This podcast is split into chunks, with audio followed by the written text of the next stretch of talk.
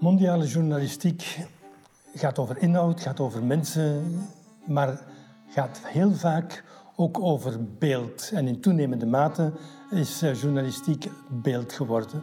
Daarom spreek ik vandaag met Rudy Franks, VRT TV-journalist, en Machid Mohajirin, uh, fotografe, die ooit een, uh, een, een, nieuwsbeeld ook bracht waarmee ze een World Press Photo Award won, maar vaak ook los van, van nieuws aan fotografie doet. Dus twee heel verschillende mensen met een heel verschillende insteek rond beeld. En om het gesprek meteen goed op gang te brengen, dacht ik, ik begin met een citaat dat niets aan de verbeelding overlaat. En het citaat is, het is een citaat van mezelf, niets is zo onwaar als de voortdurend herhaalde stelling dat een beeld meer zegt dan duizend woorden. Een goed beeld wekt weliswaar meer emotie op, maar het heeft wel duizend woorden nodig om zijn hele verhaal te kunnen vertellen, om goed begrepen te worden. Besef dat ik als schrijvend journalist dit opschrijf, maar ik wou het graag aan twee mensen voorleggen die met beeld bezig zijn. Snijdt dat hout of denken jullie, dit is er toch helemaal naast gegrepen? Wel, dat heeft mij het meest aan het denken gezet, omdat ik daar vroeger vaak ook als in, in, lezingen moest over nadenken over van ja, wat is nu het belangrijkste, dat beeld of dat woord. Ik kom daar niet uit. Voor mij, eigenlijk heb ik zitten bedenken, omdat ik over uw stelling aan het nadenken was vorige nacht, toch wel, is um, een goed beeld of een, een onwaarschijnlijk krachtig, sterk beeld dat emotie in zich draagt vaak, lijden vaak, om in mijn wereld van journalistiek iets te betekenen, um, aanzet tot duizend woorden uitnodigt en prikkelt tot duizend woorden. Eigenlijk is het niet voor mij of-of. Dat beeld zet aan tot duizend woorden en zoveel meer. En ik heb dan zitten denken van aan welke voorbeelden moest ik gaan denken. Het verhaal over migratie werd voor mij concreet, alleen voor mij niet per se, maar voor vele mensen concreet, met het beeld van Aylan die daar lag. Vijf jaar geleden op dat strand. Dus dat beeld op zich is niet voldoende. Maar dat beeld zet, zet aan, prikkelt tot. Hetzelfde, ik kan er maar twee noemen, die, die in mijn wereld is veel betekend hebben, um, is dat van Mohammed al-Douri. Die jongen die in Gaza, daar met zijn vader achter zich, in het, de crossfire zat. En dat, dat was eigenlijk live on tape, want het was niet live gestreamd, maar we hebben dat bijna 10, 15 minuten hoe een kleine jongen met tientallen kogels doorzeefd werd en zijn vader ook, maar hij is overleden. Dat beeld heeft zich gereproduceerd in heel het Midden-Oosten, op muren geschilderd, in Teheran, in Beirut, overal, als van een, het lijden van het Palestijnse volk op dat moment. Een, een onrechtvaardige dood, willekeurig. Dat heeft ook aangezet tot, tot hele discussies over context over van, was dat wel echt? En, en ook dan met Aylan. Over Aylan wordt een hele discussie gevoerd. Het jongetje op het strand. Was de vader misschien een mensensmokkelaar? Dat is de aanzet geweest tot hele discussies over, over mensensmokkel, over leugen in de journalistiek, hè, over hoe een beeld zou kunnen liegen of niet. Is hij verlegd? Lag hij wel op die plek? Of hebben ze hem daar gelegd voor de mooie kadrage enzovoort? Een discussie die trouwens in mijn ogen aan de essentie voorbij gaat, namelijk dat een klein jongetje gestorven is, om maar iets te zeggen. Mm. En in het geval van Mohammed al-Douri, een jongen in, in de crossfire. Zonder dat beeld zouden die duizenden woorden daarna niet gevolgd zijn. Dus voor mij is dat niet of, maar en, en eigenlijk. Ja. hoe kijk jij daarnaar? Ik denk als beeldmaker denk ik eerder zou ik wel graag hebben, of zou ik wel graag dat jullie hebben, dat een beeld wel de, de, de kracht heeft, dat dat, dat, dat, dat, dat dat sterk genoeg is om te communiceren zonder duizend woorden. Nu besef ik heel goed dat elk beeld wel een context nodig heeft, dat dat wel enkele woorden nodig heeft, zeker als het gaat over uh, beelden uit de journalistiek of beelden uit, uh, in, in, in de vorm van documentaire fotografie um, denk ik dat ze moeilijk functioneren zonder context, zonder uh, woord. Maar hopelijk wel uh, niet zo'n grote uitleg nodig hebben. ik denk dat dat ook wel voor een stuk dat dat te maken heeft met het feit dat, dat ons primaire zintuig is uiteindelijk wel het oog. Uh, Zo'n beetje zoals de, de geur voor, voor honden of zo hebben wij zo. ja, ik denk dat, dat wij gewoon veel sneller communiceren en veel sneller reageren op beeld dan uh, collectief zeker, en daar had jij het dan misschien ook over, dat, dat hoe dat mensen massaal kunnen reageren op beeld. En hoe de snelheid waarmee dat we reageren, dat dat heel anders is. Je zegt, en, en dat zegt Rudy misschien ook wel, een, een sterk beeld maakt meer los. Dat betwijfel ik trouwens ook niet in, in, in dit citaatje. Hè? Maar is, is dat de, de functie van het beeld? Is het, is het beeld vooral emotioneel of zie jij het ook als informatief? Ik denk dat dat zeker ook wel informatief is, maar hopelijk overstijgt dat iets. Overstijgt dat dat informatieve en dat emotionele. En, en, en is dat ook wel een soort kijk op iets, een andere kijk. Eh, hetzelfde bekijken op een andere manier, een ander zicht op iets, hopelijk. Maar dat doet tekst ook. Hè? Ja, tekst geeft ook verschillende invalshoeken. Nee, voor mij, ik denk dat je gelijk hebt. Allee, van, dat, is, dat gaat omdat het beeld is, we kijken met onze ogen, dat gaat ergens in die hersens, prikkelt dingen en veroorzaakt iets. En dan moeten die hersens in gang gaan om met dat iets aan de, aan de slag te gaan. Maar als het zo is, en ik, ik denk dat het, eh, dat het zo is, dat beeld veel directer raakt en, en veel meer losmaakt. En zelfs niet alleen primaire emotie, maar ook empathie, ook dat soort dingen mee. Muziek ook, hè? auditieve dingen ook. Een noodkreet van iemand, een doodskreet, dat maakt ook iets los. Maar beelden worden we meer mee geconfronteerd. Onze cultuur is een beeldcultuur natuurlijk. Maar als dat zo is, dan wordt de verantwoordelijkheid van degene die beelden toont of maakt ook enorm groot. Want, want een beeld is ook altijd een constructie. Hè? Je verwijst juist naar de vraag, lag die kleine Aylan waar, waar hij gefotografeerd is? Maar dus de, de, de vraag, hoe ga je daarmee om met het produceren van beelden en het kiezen van beelden?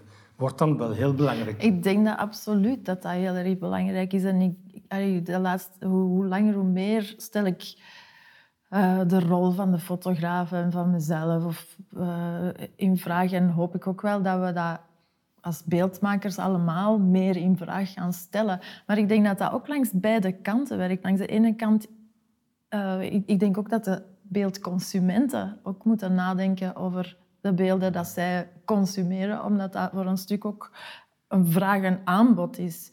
Uh, bepaalde soorten beelden worden gewoon niet gepubliceerd. Die, mogen, die worden niet erkend als, als uh, als uh, geslaagde beelden of zo. Of, of juiste Wat ik slechte, bedoel, slechte beelden qua vorm? nee, dat denk ik niet. Ik denk gewoon dat er wel een soort uh, beeldtaal is. Hmm. En, en zeker als het gaat over kranten en tijdschriften.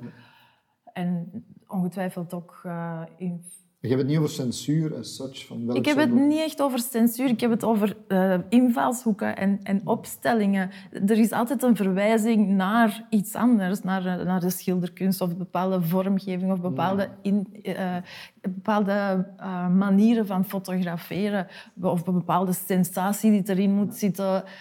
om dan als, als, als een beeld als beeld gebruikt te worden.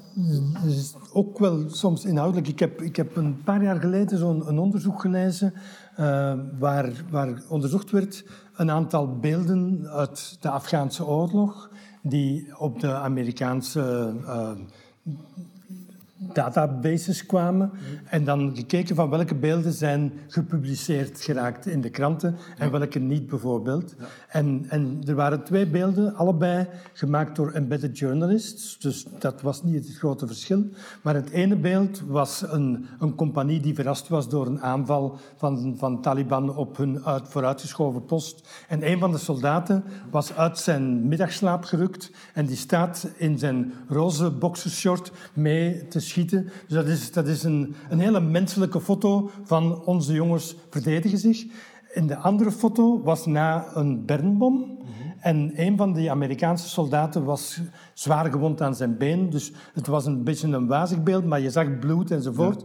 Geen enkele krant in de Verenigde Staten publiceerde het beeld met de gewonde Amerikaan.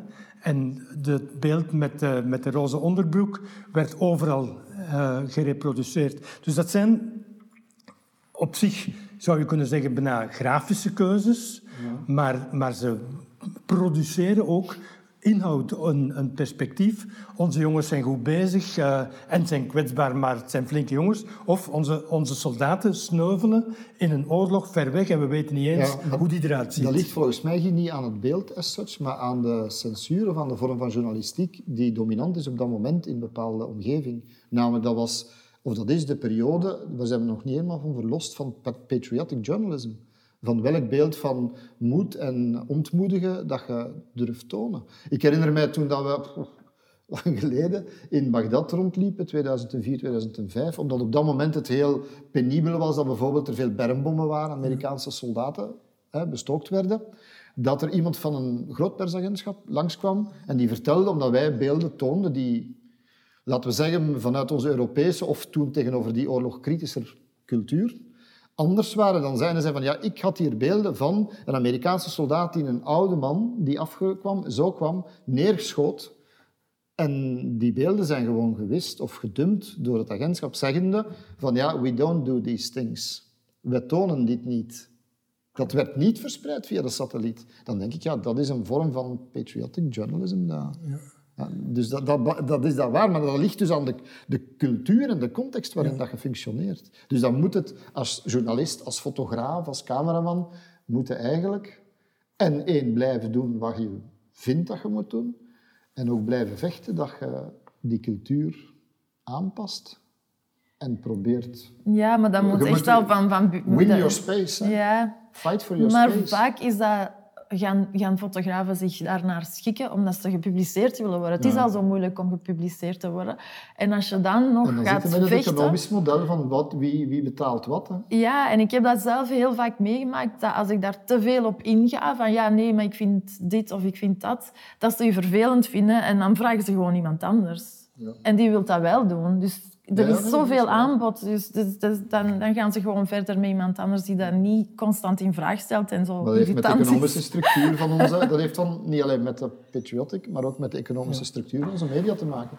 Maar het stelt ook de vraag, als gebruiker, nieuwsconsument noemen we dat, dat is een beetje een vreselijk woord, maar dus als burger die, die dat nieuws, dat beeldnieuws ook krijgt, hoeveel vertrouwen kan je hebben dat het beeld dat je voorgeschoteld krijgt, dat dat representatief is voor de wereld waarin je leeft. Maar dan heb ik, vind ik dat je het woord het beeld juist, juist gebruikt, namelijk het beeld dat geschetst wordt. En dat wordt ook met tekst geschetst, dat wordt in zijn totaliteit. Dat beeld, die foto, is maar het, de top of the, de tip of the iceberg. Hè. Dat is, dat is het, hetgeen dat naar voren komt. Maar het is eigenlijk alles wat men er rond schrijft. Hè. Het is ook wat men ervan maakt. Hè. Patriotic journalism, waar dat een voorbeeld van is, wat je daar schetste, toont zich ook in, het, in welke bronnen men gebruikt, wat men schrijft enzovoort. Ik denk dat dat een job is die we collectief in onze sector ons moeten van bewust zijn. Maar voor, voor beeld, Rudy, eh, is het misschien nog, nog wat sterker, omdat beeld, fotografie, uh, toch... De illusie van objectiviteit ja, geeft. Ja, altijd, altijd een beetje de belofte in zich draagt van wij tonen de werkelijkheid. Want het is wat het is wat het is. En wel, in zekere zin is dat toch wel meer ook, en nu ga ik je provoceren met een andere stelling, dan geschreven. Omdat als je het beeld moet hebben, dan moet het wel gezien hebben. Ik wil geen eten geven aan alle journalisten die uit hun hotelkamer niet gekomen zijn en de hele oorlogen beschreven hebben. Mhm. zonder, er zonder hun voet in het zand gestoken te hebben. Als je een cameraman of een fotograaf, die moet dat gefilmd hebben. Er kan geknoeid zijn met het beeld, er kan een vertekend beeld in dat beeld zitten, er kan een rare kan constructie te weinig zijn, gebleven maar zijn je moet het wel gezien hebben. Je moet die fotografen die gestorven zijn allemaal aan de front, die zijn er wel allemaal geweest. Hè. Die zijn daar geweest, maar het is ook wel hoe lang blijf je daar en, oh, en, en welke, uh, hoeveel perspectieven ga je tonen. Maar dat heeft ook wel met de vraag te maken, met, de, met, met wat willen mensen naar kijken ook. Hè? Want ik denk dat dat een, een, een wisselwerking is ook van uh, wat, wat voor beeld zijn mensen bereid om te krijgen van bepaalde onderwerpen of, of plaatsen. En, en zeg jij dan eigenlijk, fotografen zouden blij zijn dat ze veel meer uh, complexe verhalen kunnen vertellen in hun beelden, uh, maar dat wordt door de redactie en door de consument eigenlijk ontraden dat, ik denk dat wel. ik denk dat er enorm veel fotografen zijn die, die, die heel slim zijn en die, die enorm... Uh, ja, die zelfs ook wel op eigen houtje uh, uh, eh, reportages, heel interessante verhalen, complexere verhalen maken zelfs, maar die, dat, die, die eigenlijk bijna geen platform hebben om dat te kunnen tonen. En, en is, is dat makkelijker als je uit de journalistieke fotografie stapt in, en meer naar de artistieke kant gaat? Of kom je dan in een totaal andere wereld terecht? Dat is een totaal andere wereld, maar waar ik nu een beetje aan het aftasten ben eigenlijk. En ik heb wel het gevoel dat je daar toch wel een ander soort vrijheid krijgt. En dat heeft natuurlijk ook wel te maken met het feit dat je dat uh, persoonlijker maakt ook. Um, dat is ook niet meer gebonden aan een, uh, een label of een... Het is niet voor de New York Times, het is niet voor een bepaalde instelling. Je staat eigenlijk in voor je eigen... Je, verhaal is je eigen verantwoordelijkheid en niemand uh, indoors staat per se. Dus in die zin heb je wel veel meer vrijheid. Ja, maar je moet die vrijheid... Je, je wil je verhaal wel hebben in de New York Times. Hè. Je wil je foto wel gepubliceerd zien daar in plaats van thuis in een album. Hè. Allee, snap je, als je, je kunt in een heel documentair mooie fotografie gaan doen. Je hebt wel een kanaal nodig om dat te brengen op een of andere je manier. Je zoekt publiek, ja. je. En dan is nog een, een andere tegenstelling, die, wat ik nu plots aan denk. Het gekke is, je zegt we hebben een beeldcultuur en dat is, het is in welke commerciële omgeving dat je functioneert en zo.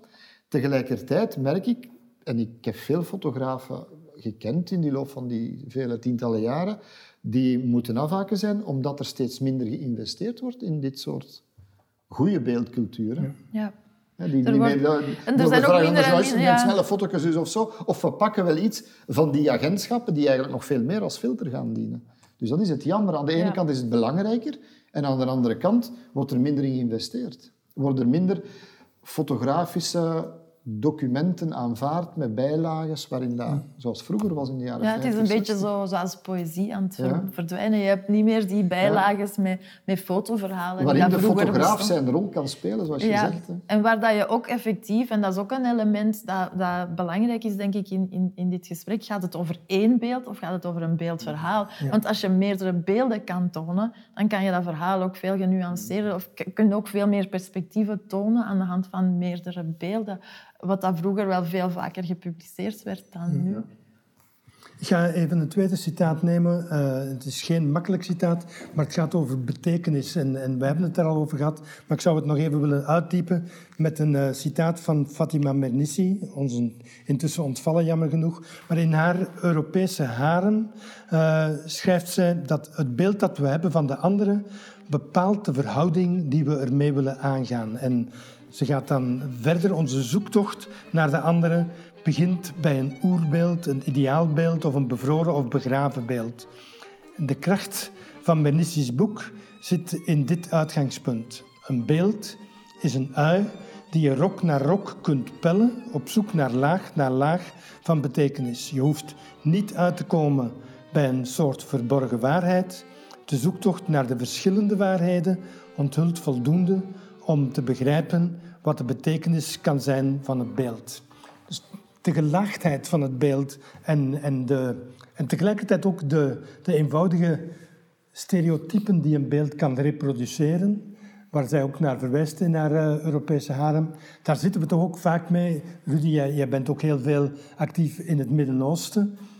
Daar bestaan vijf grote stereotypen over. En, en je, je wordt heel snel geconfronteerd met de vraag: reproduceer ik die nu met de beelden die ik toon of met het verhaal dat ik breng? Of niet? Met dat luik van, van de analyse kan ik volgen. Daar, dus dit is voor mij een heel dubbel gevoel. Dat volg ik wel, hè, over dat Orientalisme en zo. En je weet in de tijd Edward Said en, het beeld dat we hebben van de Oriënt en, en de Arabier enzovoort, of de cultuur daar. Positief en negatief. Hè. Maar aan de andere kant ben ik het niet eens met wat, wat zij zegt over het zijn, maar er is maar een ui waar je altijd maar lagen en lagen en lagen van afpelt. Ik heb soms dat gevoel dat je daarmee bezig bent als je de geschiedenis van hè, Israël en Palestina en de strijd daar bekijkt. Dat is laag na laag afhankelijk van de geschiedenis. Maar dat zou betekenen dat er geen waarheid is waar je moet naar zoeken. En die conclusie wil ik niet trekken. Ja. Want dan kom ik in een soort van postmodernisme terecht, waarbij alles relatief wordt. En waar dat, dat toe leidt, dat zien we in de huidige tijd En dan kunnen we met alternative facts. Hè.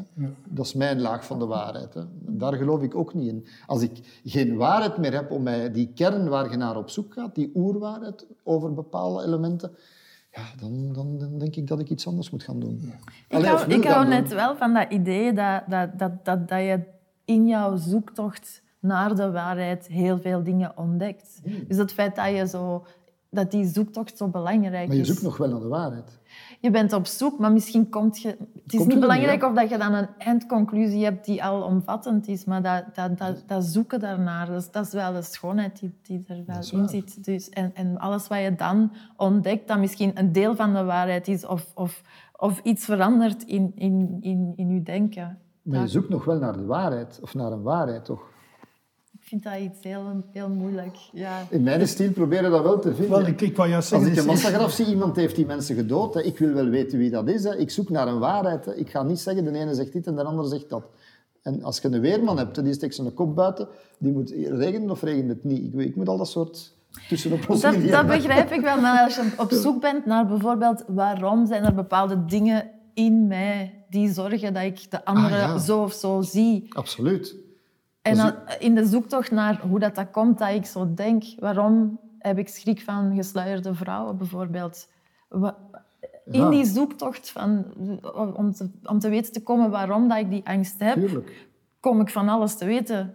Tuurlijk. Over hen, over mezelf, over Maar daar ben ik het helemaal mee eens. Maar die, die zoekt... Ja. Maar ik denk niet dat we elkaar Nee, tegenspreken, hoor. Nee, maar... dit is, ik denk, jij hebt het over harde feiten die je, wil, die je wil onderzoeken tot als je weet hoe ze in elkaar zitten. Ja, of wat, ja, het is zelfs, ja, dat is waar, dat in de eerste plaats, maar ook wat drijft mensen. Wat maakt dat mensen iets Want elkaar als, aandoen? Als Allee. je, als je bijvoorbeeld even inpikkend op wat Machid aanbrengt, als je zegt we willen het hebben over de positie van vrouwen in de islamitische wereld, hè, om, om bij Mernissi te blijven, ehm, dan, dan wordt het al veel moeilijker om te zeggen er is, er is een harde waarheid.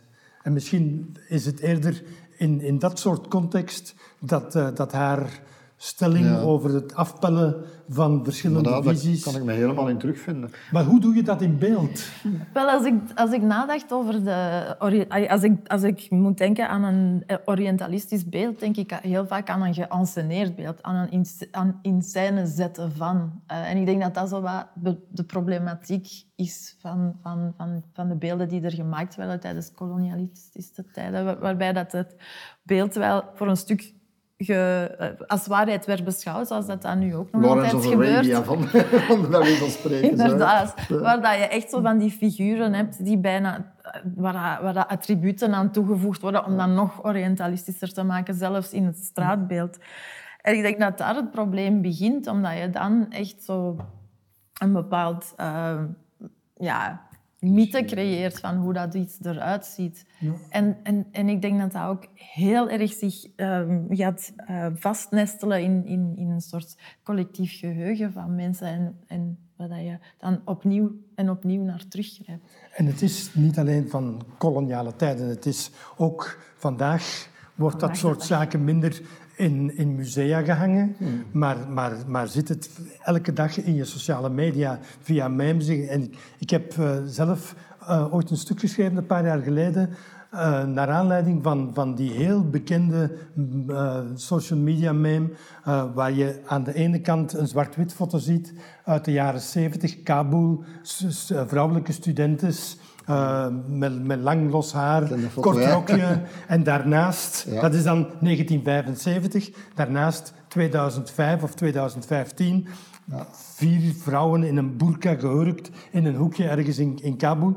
Beide beelden zijn ware beelden, Maar ook niet het volledige maar, beeld. maar ze geven opgeteld of ze worden samengezet om een verhaal te vertellen dat eigenlijk niet waar is. Of dat niet Deels. dat, Deels, deels. Dat, dat een beetje, misschien een beetje waar is, maar dat vooral bedoeld is om te zeggen, vroeger was het beter Ah, en nu worden al die vrouwen verdrukt. Vroeger bestond dat niet.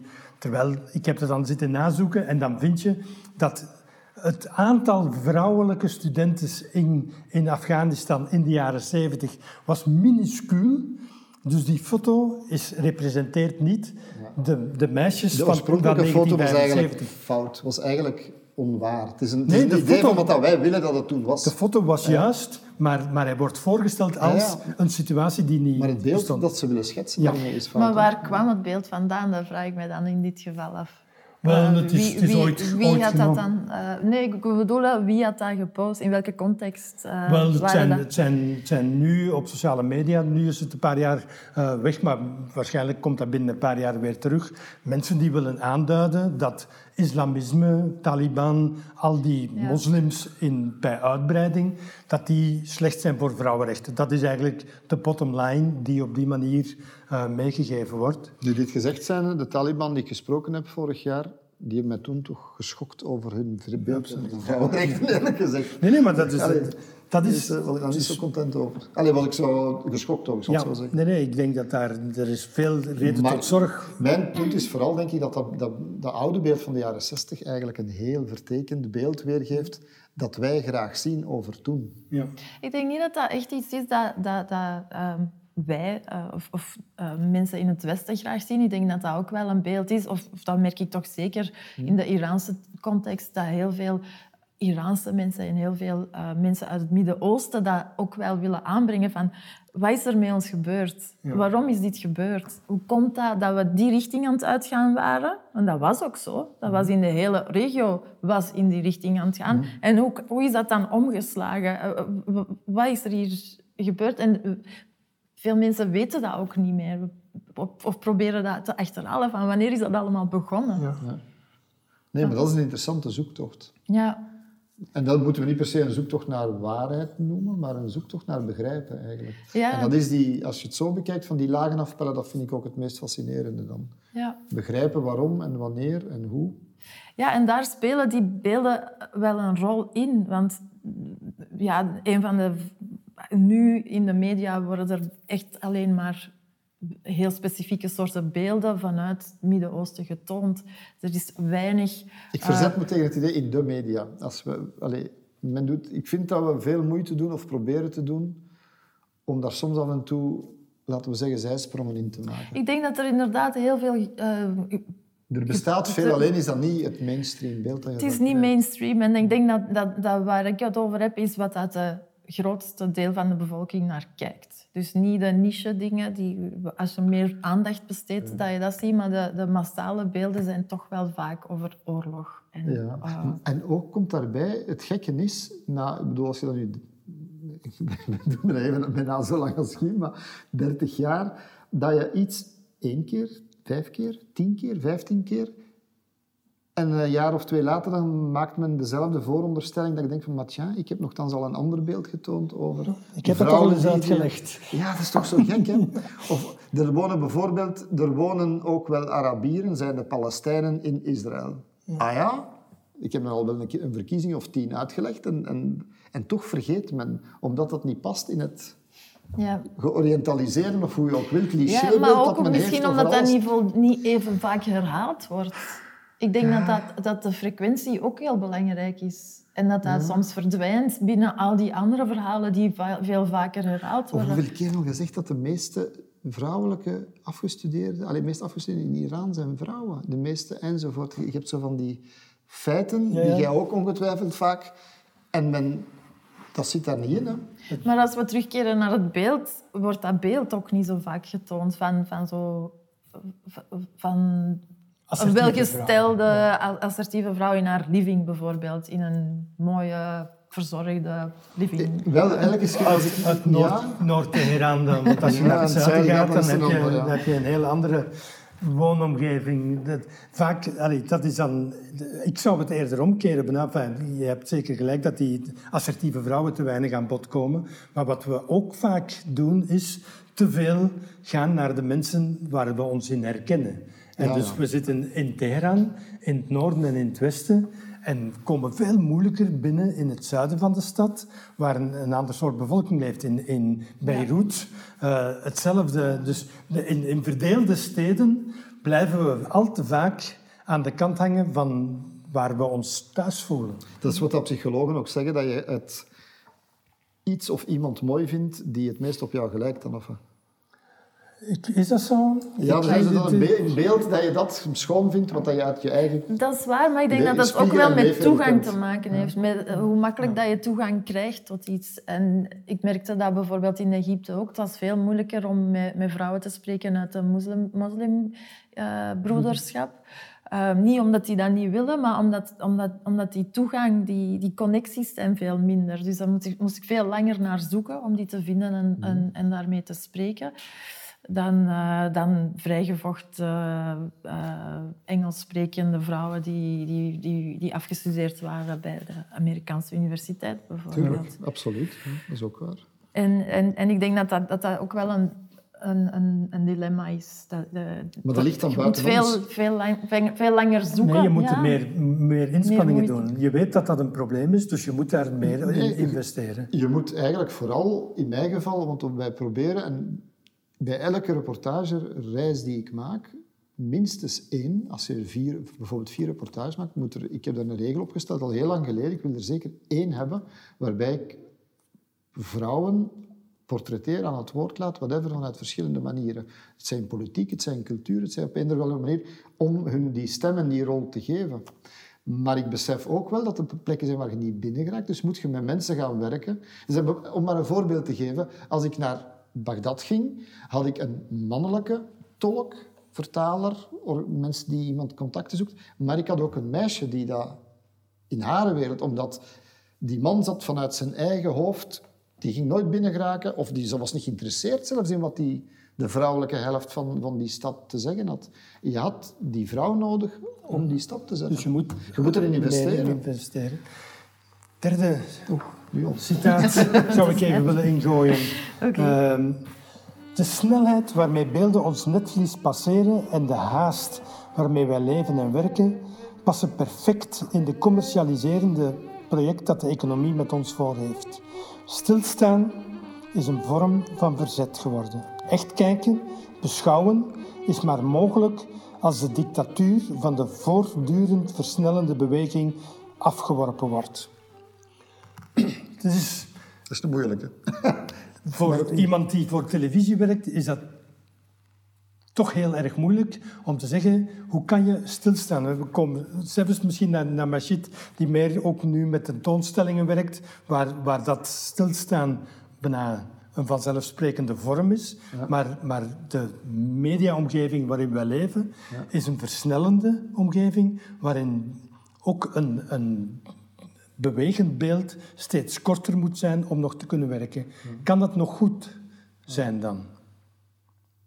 Ik, probeer, ik ga gewoon proberen vanuit mijn eigen te praten van hoe ik dat ervaar. Namelijk, ik heb bij mezelf gemerkt dat ik steeds meer evolueer van dingen die ik maakte voor journaal, waar ik steeds minder voor, omdat elke bom is maar een bom, hè, naar steeds langere verhalen of die tragere vorm van journalistiek betekenen dan is dat eigenlijk de vraag naar slow journalism voor een stuk. Het gaat hem eigenlijk voor mij, net zoals bij dat eerste stelling over het beeld, over in welke soort van journalistiek bedrijft je.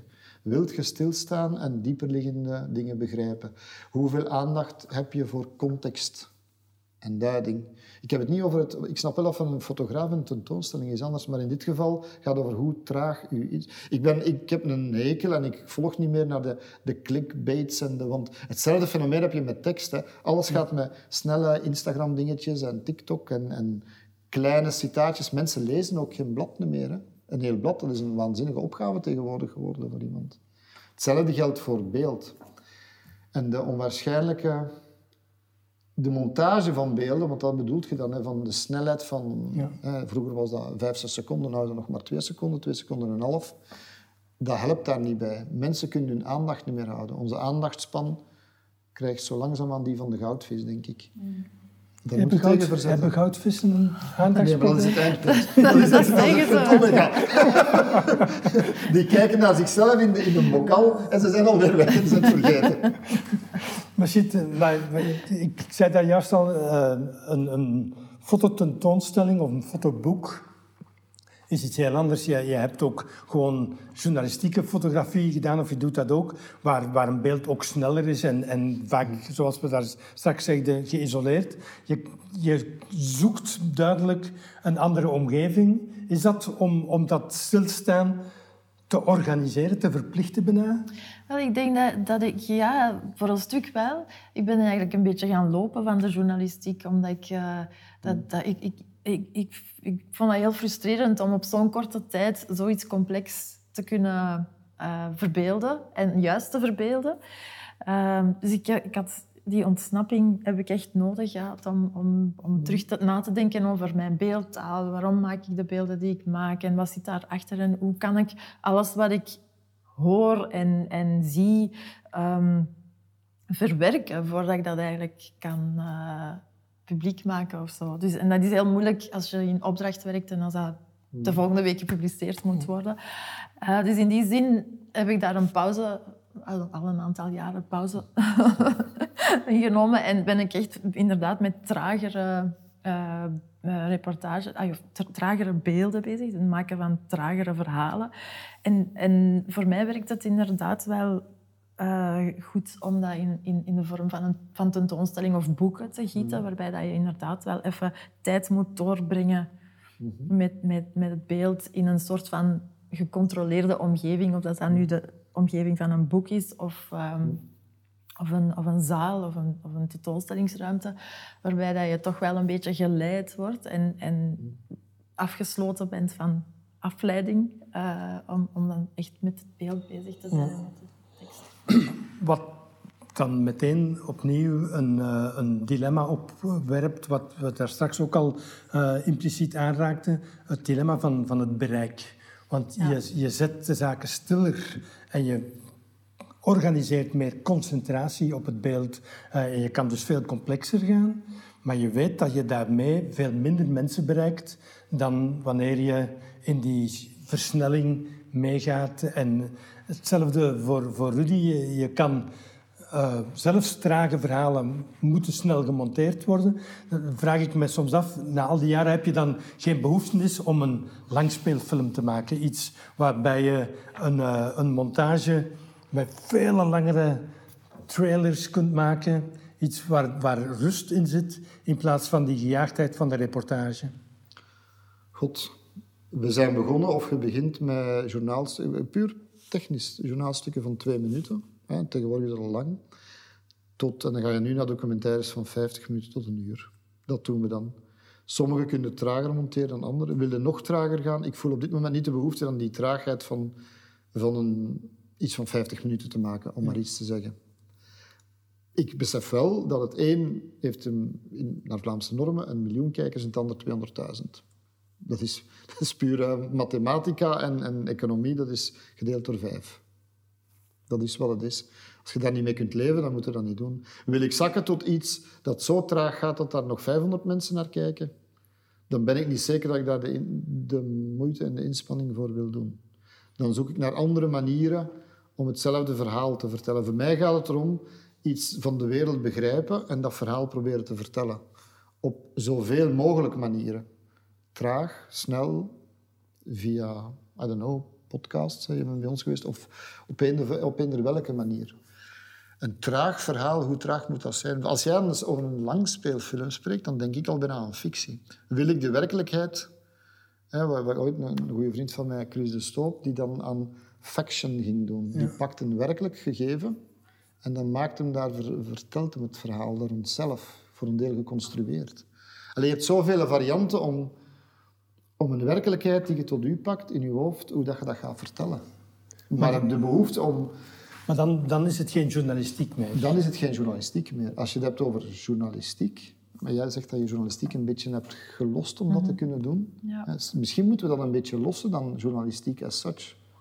Is, is journalistiek een, een drempel geworden om de wereld te begrijpen? Want eigenlijk is de opdracht, journalistiek moet de kijker, de lezer, de luisteraar helpen om de wereld te kennen en te begrijpen. Maar, maar uit wat jij zegt, zou je kunnen concluderen van het is eerder een, een, een bijkomende complicatie geworden. Ik denk dat je pas na zoveel jaren journalistiek bepaalde dingen begint te begrijpen. En dus dat je eigenlijk wel eh, al twintig jaar of zo in, in beroep moet zitten om echt zo bepaalde dingen echt begrepen te hebben. Ik denk als jonge journalistiek dat, uh, journalist dat het enorm moeilijk is om de wereld te vertalen. Ik denk dat dat niet zo ehm, vanzelfsprekend is om, om ergens een week naartoe te gaan en dan te vertellen wat daar gebeurt. Zonder alle achtergrondinformatie toch wel mee te hebben en, en toch wel te begrijpen waar het dan vandaan komt. En voor mijzelf is dat echt belangrijk geweest om, om, om vooral zelf uh, trager te gaan. Zelf trager de, tijd te kunnen nemen om, om een boek uit te lezen. Uh, om twee boeken te lezen. Om meerdere boeken dan één te lezen voordat ik dan... dan uh, een soort... En dat, dat ging niet. Dat, dat, dat, ging helemaal niet als je zo snel moest klaar zijn met, met, ja. met iets. En, heeft met de druk te maken. En, en, en ik ga wel akkoord dat uiteindelijk, als je daar klaar mee bent, kan dat in verschillende vormen geproduceerd of naar buiten gebracht worden. Maar voor mij is het vooral belangrijk dat ik de tijd heb kunnen nemen um, in deze fase. En wat ik wel van hou uh, in, in de stelling die je bracht, is, is dat, dat als dat kan beschouwd worden... Zo had ik er nooit over nagedacht, als een soort van revolutie. om, dat, te kunnen. Dat is ook een luxe natuurlijk, hè, dat je, als je dat kan doen. Wat dat voor mij betekent, bijvoorbeeld, sorry dat ik nog even... Is voor Samme, heb je dat... Van dat Syrisch meisje dat zelf haar eigen verhaal in de belegering van Aleppo en zo gefilmd heeft. Dat is een film geweest, die is Oscar genomineerd geweest. Ja. Dat was en documenteren van haar eigen subjectieve werkelijkheid. Die emoties erin voelt er ook in betrekken. Ook dat is een vorm van journalistiek. Dat is traag in de tijd, maar het ging snel in zijn montage. Dus traagheid en snelheid zijn relatieve begrippen. Het is wat je ermee aanvangt en hoe je daarmee omspringt. Het is niet de snelheid van je montage die het bepaalt. Soms wel, als het te hectisch is. Maar, maar wel van, wat geef je weer? Ja. En zij geeft het leven, het waanzinnige leven van haar samen met haar kind en haar man. En haar kind dat geboren wordt in de kelder. In een belegerd hospitaal weer gedurende van een jaar. Dat is traag in tijd, maar het is wel gemonteerd in een uur en een half. Ik uh, vond...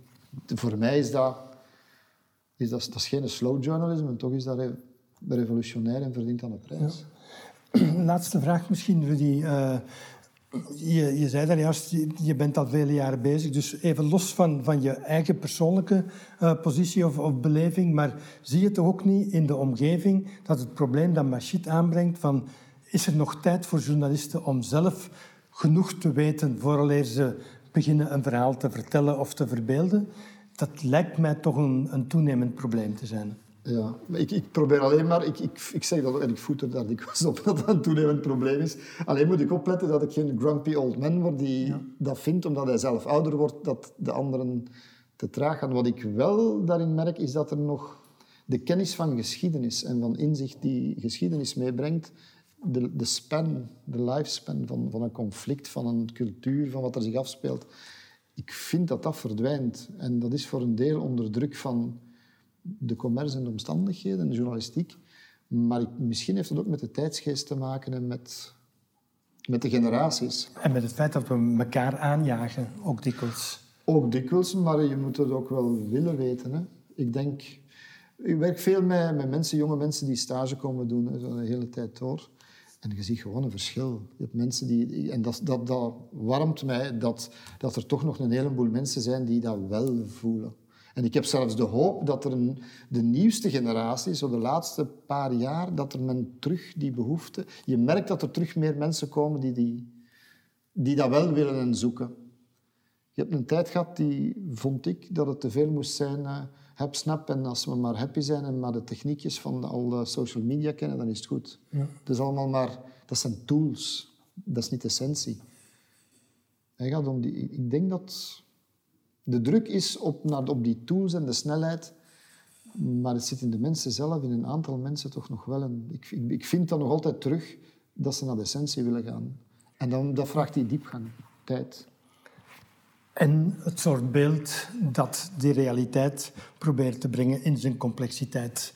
Dat is de essentie van journalistiek, van ja, beeldjournalistiek. Ook het medium. Hè. Je moet, je moet op, op zender de tijd krijgen om het te tonen. Je moet bladen en, en, en, boeken hebben en, en, de mogelijkheid om het te brengen. Hè. Je moet die mensen wel de kans geven om het te tonen.